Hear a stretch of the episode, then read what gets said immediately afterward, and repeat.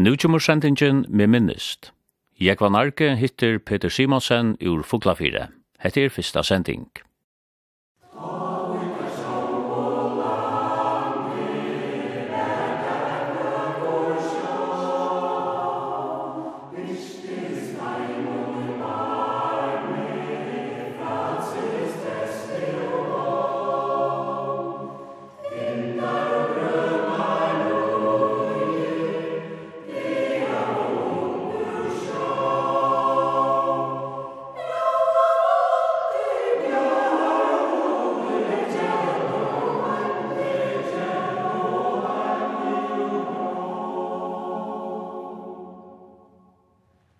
Kjester og i dag tjåkon er Peter Simonsen, som bor i havn, men er fullføringur og atavar ur fuglafyrin.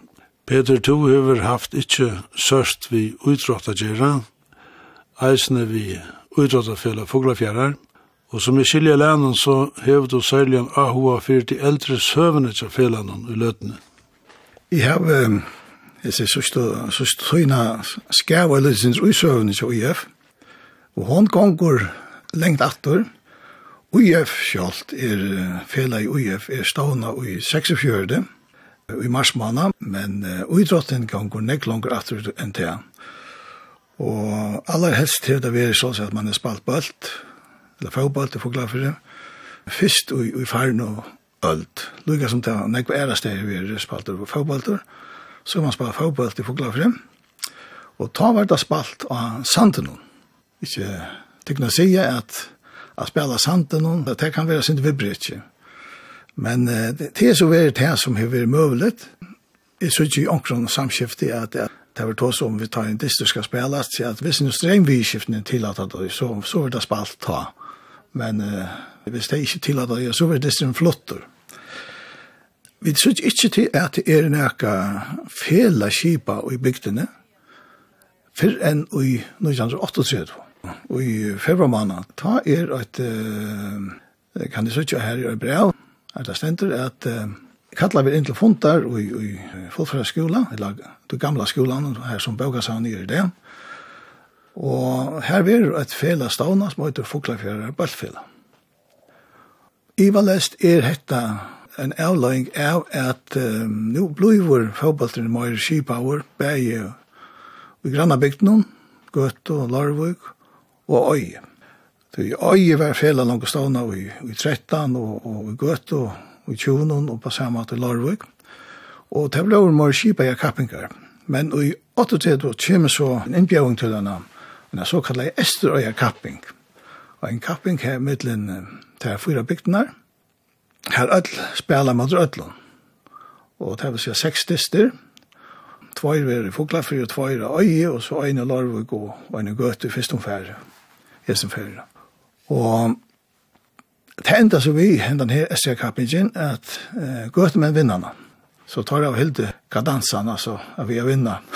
Men tant kappingen, hon er gong fyrir seg i november, desember og januar, kanskje ut i februar måned. Hvor er det hessa tøyna av Arne, og det er sjant tøy at ta våre menn heima. Tar hatt du ikke muliga spela om somrarna. Så kappingen, eller en sånn kapping, hun ble løgt om vetren. Og er etter, Ta er så atter en SR-kapping. Nå ikke sier du gjøre det. Men det er så om felene. Og nå byter det om så løsene at nå er det tvardister og i Hinebaumbyggnen, men bare en dister i Tøymbygnen som, som hadde tvardister. Det er fire SR-kappingene. Jeg minnes ikke akkurat hvor vann disse kappingene, men akkurat i tog sambanden. Ja, da satt kappingen vi lagt til rettest. Da vi skriver i brevnen at om nøyet så vil distrin fokla for flottere hvis, hvis noe streng vi skift nere så lås nere at det var sånn, vet det for stor flow, så vil det nesten flottur. Men så kommer krutje, og i var lest hever, det har haft sin avvirskan av fagbolten i bygdene, men vi så ikke langt å ta at uh, brevet skifte sammen med kommunene at uh, at ta søk om stovål til fagboltsvøtlen. Og vi halde okkur til navnet Fuglafjell Bøltfella og, og UIF, så, så sørger vi at brevet fra, fra Bøltfellene det er underskrivet Fuglafjell Bøltfella, men svære fra kommunen til øyder Utsatsfella Fuglafjell.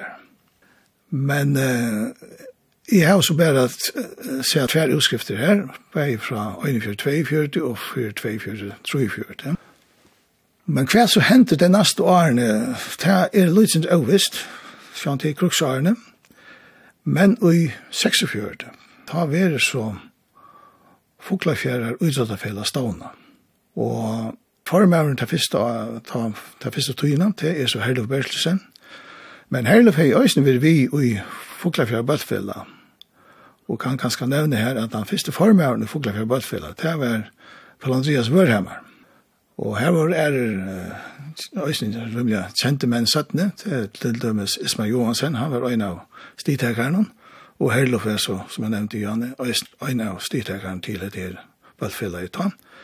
Men Herlof var så atter vi som formøver i, i 46, og han var verande formøver lykka til i 8.000-9.000. Og ærer som søvd i nevntene ta, til ærene, det var jo Robert Eliasen og Paul Jakob Hansen, Sofos Eliasen, og så var uh, Esman Jakobsen øysne og en pastor av oss nere. Men Arne han var så øyne som at Marsten Johannesen, men han var nok et stritt tog jeg skøyt, han var sikkert nek bostor som sjå med år, hei ikke mulig at være vi på samme måte som hinner og i nevntene. Så Esman var en lukka som han som tog iver etter han. Og hese fyra eller SF5, sjøvde faktisk helt til 1988. Og det er i hese tog jeg togjerskøyen at vødleren blir gjørt. Og det er kanskje det som vi kanskje skulle komme og sitte nær inn av. Men når vødleren er tøkker, så verur kajen vi får klart vi gjørt. Så vi var ikke om kallet det den gamla kajen, eller den nødja kajen ta. Fugla vi var større brygg, og her var noen uh, brøyr, altså sånn smarre brøyr. Men ein kai vi er så bygd her i sørste fjørden, og vi er så tidsen i bruk i, i nødje fjørden. Fyrsta skipet, forresten, av, til, som leie et av nødje kaiene, er Smyril, som tar til de øysene norretter, altså ikke bare den her havna og solrettene, men øysene norrestrettene, og, og vi er så øysene leie et til Foklafyr, som tar fyrsta skipet i nødje fjørden. Men innanfyr kaiene, her blei et nok så godt og størst lente, som var egna å spille balt da. Her hever så håndbalteren særlig kanskje tidsi dyk av seg, men fotballt var også spalter. Sjående var det i kapping vi, sildatonner og sildaskurer og, og røskap, fiskerøskap. Men, men i halte alle parter her, og også så såna lätt lätt let där vara så at fotbollen och handbollen kan få att det er som det blir till.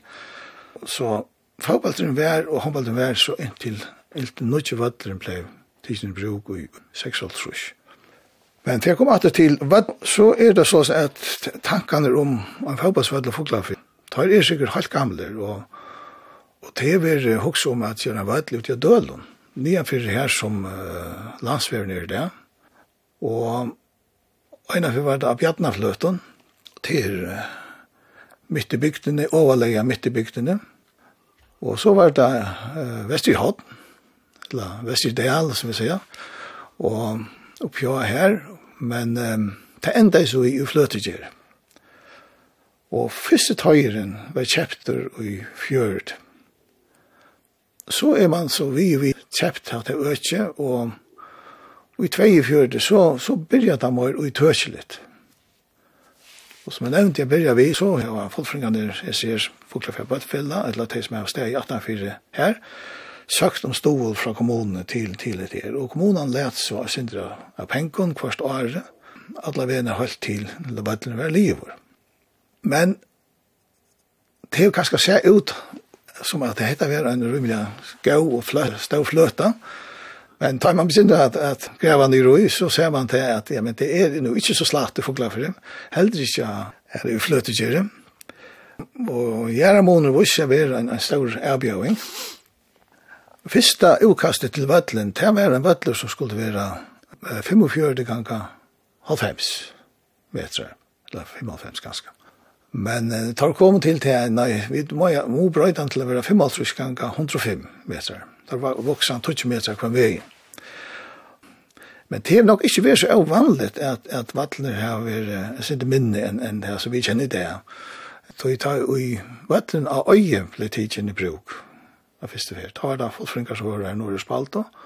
Og da var det samt om at vi spela nutsje mot nutsje. Så vattnet var og trångt til å spille 11 mot 11. Så det har nok ikke vært så uvanligt at det har vært et mindre mat enn en, en det vi kjenner det. Men uh, Bøtlen ble så, altså, hadde her 55 ganger 105, og uh, 17, det det var tiltidigt til at da kom han til Fokla for å spille, det var ikke så stått litt, det var så trångt helt med henge, og særlig tid som kommer i havnene, at det var så trångt å spille Fokla for, det var nok så torrførst av det samme. Mm Men han folkfingar hadde stora trobløkar, så det så kommet av de stora vattnene etter dem. Vattnen er så i gjer, og jeg vil si at her er bygningsverk, at, at det er størst bygningsverk, et flott bygningsverk. Muren ovan etter, med bygdene, vi leia om gråte, og som av steg er kanskje opplandet 5-6 meter hakt, og er det steg kanskje 2-3, eller 3-4 kanskje. Og så hans nye batchen som er nyanet. som på sånne måter kan man säga var ett naturligt stäft och det gav naturliga omstår till till när där stanta och söka fotboll ja eh, gott utsyne. Men vatten blev så liv och charter i november månad i 6 så var han allmänt tidsen i bruk.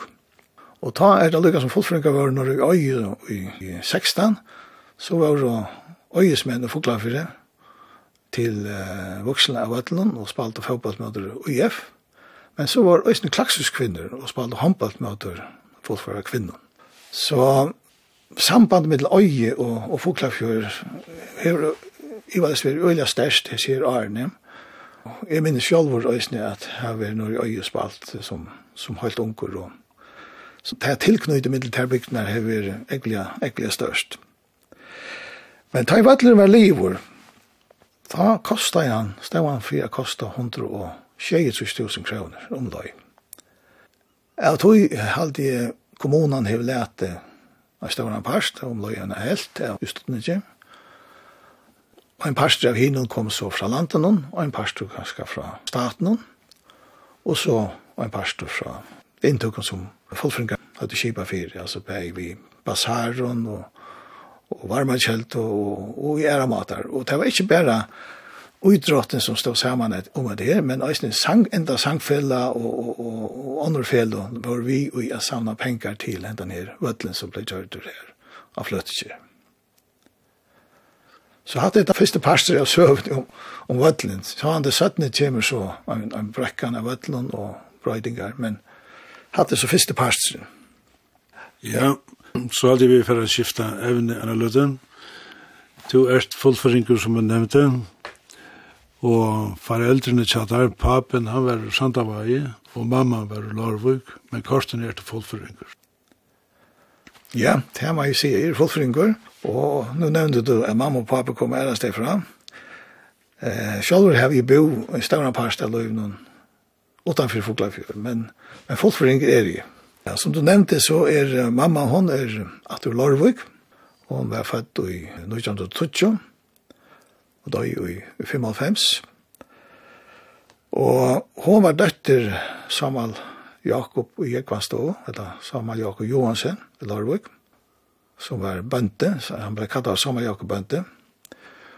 Og Margrethe, født Johansen i Lorvik, hon var oppestå i Lorvik. Og pappa var så ur Sandavaje, og pappa var født i 12, og døg i 94. Og han var, nu nevnte jeg ikke det, men mamma var, hon var nast yngst av åtta sistjon. Men pappa var yngst av åtta syskjon. Tau var det de tutsi sistjon, men tvei døg som småbødden til pinkebødden. Foreldren tja, tja pappa var Peter Simonsen, eller Peter Bjuse, i Sandavaje, og Hanna, og han var ur Gassadelle, og hon var døtter Johannes og Jakobino. Og det Johannes, han er um, nu er nøyla en filmer om, om foglefangeren son. Og om søvandes sånn er ikke, det det videre vi ikke, men søvandes gav for hans og Snir Johannes, han skal, han skal snir Frans, som er ute i filmen. Det var soner en skipar, en fransarskånat, og, og bøndakon i Gazadel. Men eh, at det hadde søvan men om hun sånn, ta, ta videre så ikke. Men, men hette så Johannes, og så lenge av min, hvis man kan si det var tammatan. Men eh, færre vi øyne etter til eh, at den er pappa, tja, og, og tja abba, og i Sandavøy, så var uh, en av atfedrene til honom, det var um, Blenkskala hennes, og han kom til Sandavoks, og ble oppsider til, til løgmannen av Støyagere, som han sjekket debes, da var det siste bød, og papet tog seg øyelig oftane om attene. Særlig at jeg sett noe 17 da måtte han vel ha tog seg om attene, og mamma hiver inn hånden, Han var ikke nek opptidsen av tog. Og åkna ta, ta pape var på det ivrige, så kom til han fortelle meg til seg atterhølsene. Og så helt mamma ganske etter var ui så nek at han ja, men sier vi gau, man skulle tro at Blenkskala og, og, og Vujkar, det var millionbyer som jeg falt for at jeg er igjen. Som, som jeg nevnte Jan, så var foreldrene som var sikker, og at det var Sandavai, og Marsta som var atter Larvik. Men mamma og papen, de møttes til Klaksvik i, i 32. Mamma var i Klaksvik og arbeidet til Kjølbro i Bistø, Kopstø Handelen. Og papi han var vi Ekliptiko til Jakob Heinesen. Og tar oss jo li inne, og, og papi forteller at, at um, da ene kveld han var ferdig dans, og stod opp i loften og utdansestående, og han ser marston nere i gulven, og han fatt på dask for hese her, for hese jentene, og det ble så teg, og de gifte så i 35, og i Larvika kyrkjø, og bo i Larvik til året til veteren i 35, og ta papi for så til havnar, og av genga skola, han skulle teka han ta søgnast av parst av styrmas han er gynja kipara, og så Sørja vetrar, og, altså, og första parster styrer man, og så tar han ta sørsta parten nu är 35. De bo så her vetren 35-60 og i havn, og flottet så til, til Vestmanna, og bo i Vestmanna og i, fra 60 til 80, og ta det så flottet til Foglafjære. Men i hese kan kanskje nevne at her på en av veien, at hese togjerskøyen, medan han i Vestmanna, da kommer han i samband vi Jekvan Skalum, som var bindesmorster i Vestmanna. Og tar bager eh, tås han ikke sammen, og tar hev papi langt og finnes jo at hos godt om å gjøre et skip, som er synder ærvis enn til skipene som, som føringer var vene vi om temmant. Og, og tar bager, uh, som han forteller fra, tås han ikke sammen, og jeg vant til tekniker, Og det enda vi at det blei til et, en tekning av en kjipe som søttene kunne bliva veven. Og i 38 ta verur sottmale skriver under middelen, eller ta skriva pape og kipasmian under en sottmale om bygging av en kipe. Kjøleren verur så lagter og i 93 og 22 mann som arbeider på dette kipe. Og det er gongt og syna gongt, rattliga vel, men så ta vi, vi narskast aprilmann ui, i fjörde, ta i krutsi brott ut, og Danmark er hersett, eller vi er hersett, men sørsta kipet mittlen Farger og Danmark, Farmakipet, det er det Grenå, det kommer av havna i 12. aprilmann, og vi er motoren til vøvn. Men motoren er, er kordur i 28 imiska kassar. Og det gjør det sånn at det er torfer for jeg sette enda motoren ui, men det er ikke fire måneder på tammatan at det er lettere å transportera. Men uh, mye skip stendur ikke her er ikke alt så einfalt. Det er ganske praktisk og fortjellig, ja. Og, og så han det særlig at nå tar jeg krutje, så kommer større avbjørnger at det forkjærlig gjør ikke noe. Men um, den ene dagen så pappa stender her, og, eller kommer i Kibas Mina, stender opp i benen, hykker og man, Da stender en annen med her. Og tar kommer så i prat, og jeg som er sier, å godt, sylta kip, sier det snir. Og pappa er kjøter og spyr, ja, men vil du løye det? Da har han nok helst videre det, det er en, en, en med som ombo i allians røyere fela i, i, i Reykjavik. Um, det største at lenka er at Allians vil løye skipet første sommeret, og vi betaler løyene ut forut. Og det gjør så skipet som er fær sine penger, og kan gjøre skipet li ut. Skipet eh, fær bakkastøtje 15. juni i fjøret. Og fyrst så tur, og det viser seg at det sikler høyla 14 mil. Vøn var uh, skip som var omløy trufors føtter halvdje, og omløy 100, 100 tons. Men det er en motor som var 240 hester, og en bukdiesel. Og det er nok vært en motor som var um, ganske fyra for så større som, som vanlige sloppen har høtt. Og tog hei skip i en, en affær som var helt ærvis enn en det man, man kjente. Men skipet silte ikke ikke første mål i andre myndlighet, men det kunne settes helt, helt opp her til dem. Ja. Det nevnte vi det at vøvn for Bakkastøtje i juni i fjørte, men det som døpte vøvn var denne, kona Kjerstan Mår.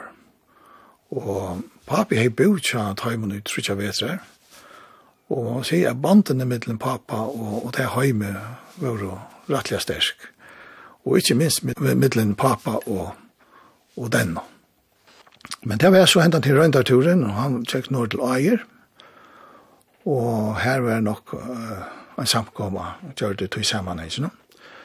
Men uh, satt ned så for skipet av Foklafjør, her fyrir det så vil seglprøve tidsin, som var krev ta, at jeg kan sektprøve, og det var gøtt jeg vann som stod fyrir tog.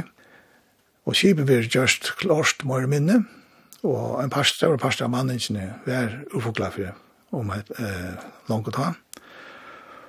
Og uh, skipet er så klart da færre sted den 24. juni.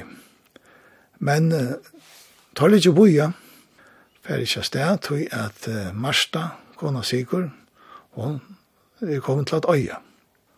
Men uh, ta i ta i livet livsteg, vel livsteg, og Anna er kommet til verden, fer skipet er sted, jeg får glad for det, og fer til havnar til at ordna noen var formalia ved papuren, og Og så bor jeg til Sandavoks. Jeg så innan kipet fram til her var, var Sigurd kommet fram i sin her tøy. Og stolte med over og ville vise Sandavokinkon nødja kipet. Og ta løtt så et og mye av kajen her. Og så fyrir tørtelen. til sted til Østlands. Her så imist var installeret med landa spel og, og snorvat og snorvatsbatar og så var det. Og fyrir så til fiskeskap 17 i julemannen. Og Som er skiljer det, så fisker av tar 14.000 mal etter her sommeren, som nok var rettelig godt. tog Det største av sin 17 enn en vanlig. Begge røya røy, og, og tar som løya av skipet fink og velbordsjord. Jeg ser hese første årene. Og det neste årene tjekk øysene ekkelig vel. Og skipet var faktisk løy ødel årene lykket til tjejefjørte til syltafiskskap om somrene. Men hina tøyna fiskavdar, vi tråle, syltu til Ånglands, vi fiske, fisk og fiske. Men da kjøpte øysene fisk ur Islandi og, og syltu til tøy fiskene. Og vøn var um, ekkelig vel egna skip a sikla til reska markna i vidt, og ta syltu så kjøtt. Og papen var vi ødel årene, bortsett fra i 46, og Jobb Olof var lærkjent med skipar i ta, for det mest alltid. Men så bløyver virksomhet av papa ganske større. Han kjøper andre skip, han uh, færsar handelshus og fiskatjallere. Så at uh, papa bløyver mer hjemme, eller ikke så nek bostor som han annars vanlig av er. Kan kanskje skøyde på i etter vi var til krynen, at um, det er en silt under krynen, at tar var ikke fyrir nøkron, og happy under krynen Og papi hei nok eisne størst alit av var herran, om han skulle varva vet at Han ville ikkje heva neka som skulle verja kipet vi, vi sansetjon og, og rifflon og kvarta søgnen. Så han silt et kruksaren utan at heva neka sår visser, som annars var et krev fyrir de kipene som silt og, og nydelig breska marsnein om det månd. Men som sagt så var han eh, mer og mer engasjeret i øren, Han kjøpte mitt landa 5 fra Jakob Haraldsen, og så får han Øysnjø og kjøpte hver pastor av Vidanon, en gammel breskutrålare. Og det var samme vi øren, folkfringen, men sattne så kjøpte han tar det ut, og og åtte så Vidan sjølver, samadler. Men eh, togene er brøytast, og Prøysene som var så avbra gauver ta under krøynen og vant etter krøytje, tar brøyt oss til at bli minne gauver, men fiskarøyet var framvis godt. Men eh, prøysene blir så mye vanlig at eh, man atreis seg ved å selja fisken, av saltfisken. Og gømte han, og, og stod han bare vestnei. Og så ble man så nøyt til å selja fisken ved stauren underskottet. Og det gjør det til at jeg begynte at det er snart på til, altså, at støvan blei hatteslig. Sjånbansin i òsne sunar ståre trobløygar, og det hekk sjå han saman gos det tjekk fiskvinni over sjånbankan, så det heila fjord morla minne ui 1922. Jeg kan lykka nevna synder om, om handelshuset som lad opp til Jola ui 46. Det var et størst moderna hus, vi handli i Mihatne, fram av venen, og, i tjallaren var så fiskatjallar, her saltfiskur kunne ha grøyast og gøymast. Og pjå var så lagur og loft til gamsla. Så hetta var faktisk en, en øyla fin og moderne handelshus ta. Og de standa framvis i bygdene. Mamma og pappi åtte de husene lukka til i Nutsjoltrus ta i tetur Petersen, eller han som vi vanliga kallar var Dore, han som var bodje pitta, kjøpte det.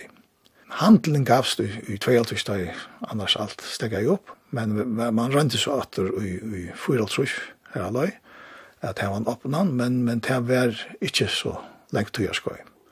Og så til så, så var det at han fyrir av okkar hånden, og til Tede Petersen som, som let han handle opp, og han kallar i handelen for City. Så det var synder alt sjåa kjent. Det var så stått jøgngongt av, av hessen her, hesse tøyene her, vi begynnte vevn, og, og synder om virkje kja papa. Du hever et uh, størt modell av vevn standard i stålen. Man kan si at vevn hever en lata fyllt øyla negg i familjene. Nå nevnte jeg papa, da måtte vel at oss om attena, men Et annet som opptog han øyne deg, det var jo kruksvarene, og særlig ganske etter at han vevn ble bygd. Og jeg har ikke vært raskere lust etter det, som han fortalte alltid, men tog betur var her brøversåneren, så kila gaur, at han hei samrøy med pappa, og pappa grøyer ekvilja gjødla fra Øtlandtøy som hendte til han bæg, da jeg vevn ble bygd, og et kruksvarene, og og sjående søttene ut til resten av løyvene møsene. Så det er kjælfest, den søvann, lust fra hans herre søy. Og vel, stendet tog øyla stærst i hovan som er, og ta er hitt en trøymning som er for noen år siden, som bygde modellskip, Så sa jeg at det er skip, her det var skip som kom til mitt mye av vøvn, så sier vi igjen, hva er det for skip? Jo, at det er vøvn. At han har vært pratet, jeg kan finne seg sammen i, i kanskje noen år. Så den øyne dagen, så sier han, vet du hva jeg får bo i husen, ja, men så skal du, så skal du bare lete bagasjerom opp. Og det gjør det, og jeg kvar til hus vi vøvn. Og det er jeg ser jeg ferien om, det er at Det er lukka som en sånn uimynd av tog togene, og en uimynd av mamma og pappa, og en tog som var gau, men samstans også minner råka at alt køyre spjær oppe etter, det køyre øysene vi kvørst nyr etter. Så det finnes ikke fremsta plass i stående og stender her så fint. Sigur ble verand av sjånen.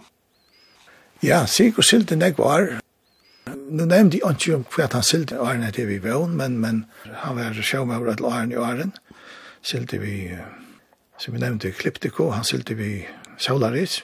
Og sånn tar han gavst som røyer, så var han øyne vi fiskeskipen, men han silte øyne vi fraktskipen. Og noen år var han i danske handelslådene øyne. Her var han med landa vi en skip som heter Rottlindiger. Han var første skipar i Tjat Røynon, til Asker Lindiger. Og det første skipet til Asker fikk navnet Rott, etter kone tja, tja Asker, Lindiger, og så pappa ble så første skipet, eller skipet, ja, tog skipet noen. Og her skilte han så i, i noen år. Jeg hei tenkt glede å slippe tur vi gjennom Øysene, jeg sikla vi Rott Lindiger. Men han var Øysene vi i Helme, Helme skilte i frakt mellom Farger og Danmark. Og jeg halte til hevse vi er fra 28, 28 og 28. Og jeg halte ikke han er veri av sjøvnen vi fiskeskipet fyrir at atter i tveialtrus. Da var han skipar av guldrenk, som var silt, som sangrefstreg kjep fra Pitta. Men så fer han atter vujare til, til landslåtan og silt her nokre år. Og leie så opp her landet, jeg halte det veri, veri av fjers. Ta fer han av fjesas vi, vi nøkker andre ting. Mitt landa er at selja oljegrus, oljegrus var kallt asfalt, her så leie til å oftast i smarre bygden, eller smarre, smarre stø, eller smarre plass, her han leie oljegrus av. Jeg er en egnom manning, og jeg er egnom utkjør til, til det.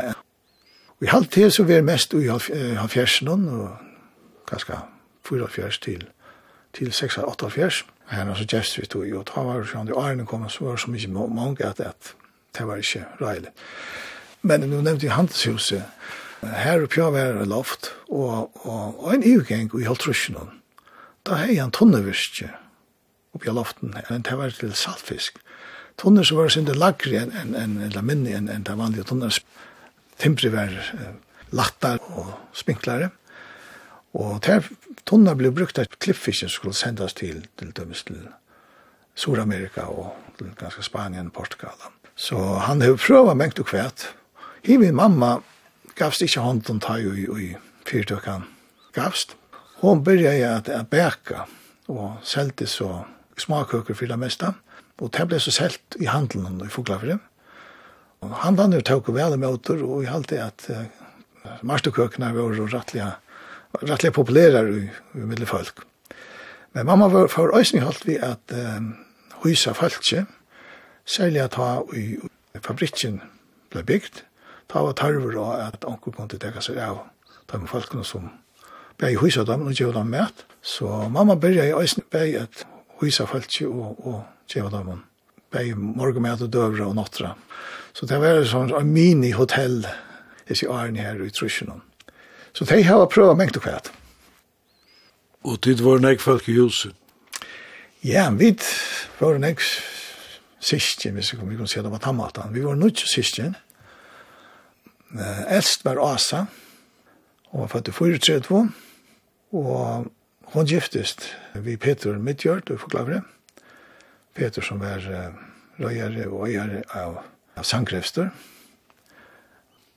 Og de bo et lærne. Jeg får klart, altså var noen skøy i havn og arbeid i Hafnia, men annars var hun bo det i forklart for, og hun er i hand til løsene. Er, og Nastra var åttende som var født i i 36. Han var sjømauer, kipare, men døg er rettelig unger, han var ikke mer enn 22 år gammel da han døg. Han fikk uh, Parkinson og hei sukersjuko. Han giftes vi Inko, som er Ravn, Inko Gunnarsson, og de bo og gos en stor anpast av løyvnen her i havn, ute i Norras. Tre i rekkene var Marion, som søttene ble bare kallet Sigurstøtter, Og hon var fattig tjej i tredje, og giftest vi, vi Paul Horsdal, som var lista med og Kersti Myndi av Fyn. Og søttene var hun gift vi, vi tar Johan sinne. Men Marion var uh, sosialrådgjøve, og kanskje var hun, vi var ikke bare det første, men middelen det første som ble sosialrådgjøve, føringer som ble sosialrådgjøve. Og hun bodde så öll tei 17 årene her i havn, men bo i Øysten okkur skoj i Kjepmanhavn. Anna, som jeg nevnte Janne, hun var en nummer fyra, for at det her deg i 24. juni i Fjørdev, og hun, bor, hun, hun flott nyer i Sosialtrusjonen, og bor framvis nere i Kjepmanhavn. Hun er gjerra med år, og er gift uh, vi en lakna, som i dag er for noen år. Han er Peter Røysne, så Det er flere Petrar i familien. Den 50 røyene, det er så sikker som bor i Badnheim noen tjokken, framvis. Og sikker og Asa er det ene som har bo i langre tog i, i Foglafire. Han gifte seg på Lino og i Foglafire. Han er så vere, som jeg nevnte, sjåmauer, kipare, styrmauer, og, og vær sjåmauer helt til, og sagt, i, i Forsenån. Men så leis på landet, hvis man kan si det på tammaten, ble ælare. Men før så er det vi i røysene selte til og ble røyere av en kjipe som fiskar her til burfisk, det er jo i Sur-Atlantshavet. Navnet av kjipen som var burfisk, det var Boasteiner. Og sånn ble han så en politiker, og kastet seg sin drivet han parsten, og var i kommunsturen, Rattlanegg var, alltid han var en 16 år så er han ved jo i vi bor han i Foglafri, og han flyer av dem nå som, som borgmors der. Så er det Gjørtis som er gift til Havnar. Gjørtis ble sjukrasister og og gift vi Johan Kristiansen, Johan til Eli, og Teipik var Mira, så heter ja. Og hon hef så vært sjukrasister bei i hospitalen og, og er stedet i Øsne. Og så kjente jeg rettjen her, så i sjálfur som er født og kjent og kjent og tjei i fjørde, og når man tjei av syskene, så tale tjei til konger achter som er. Og jeg ble så lærere av oppbyggving, men uh, løyde jeg også æra veier, og, men alt innan skoleverst i første omfære, så den ble så vårt knytter at uh, fotballsambanden vi fått la tøy, men kanskje vi kommer atter til den parten på et annet tøyspunkt. Og rant i siste, Hon giftes vi alla vank. Hon fått jo Altrush, og hon er så eisne sjukrasister. Og hefur arbeidt bæg i hospitalen og, og er steg vi eisne. Men, uh, men henne er ahove kanskje hefur mor er vi enn en av sjukrasister, så hon har haft stående av for Mali og Sløykon, som tok vel oppkomne opp i Arne, tok om pregg i føreskånd av franskapasjeten som master i føreskånd om vi videnti av norrländska bøkmenter. Men jeg har ikke brukt det annet enn til egna nøystlå, kan man si. Og så kom Jakob, som den senaste, og han er øsne, som de kjenner, han er med år, etter håndene. Han var fattig i 22. Han var også lærere kvinn men for arbeid av byrån og hever arbeid her kanskje i morgen. Eller ut i 40 år, alltid. Så jeg begynte her i 45, så til han fra norska seg var 40 år jubileum. Og vi starvet til Tørsana byrån. Musikk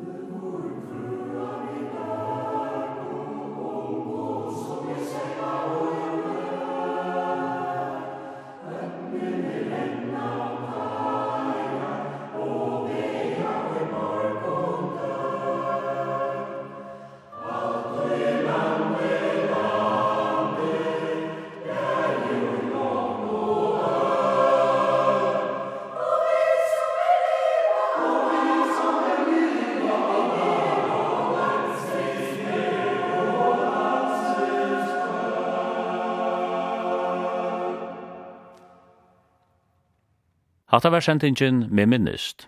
Jeg var narke hitte Peter Simonsen ur Fuglafire. Fyrsta sending.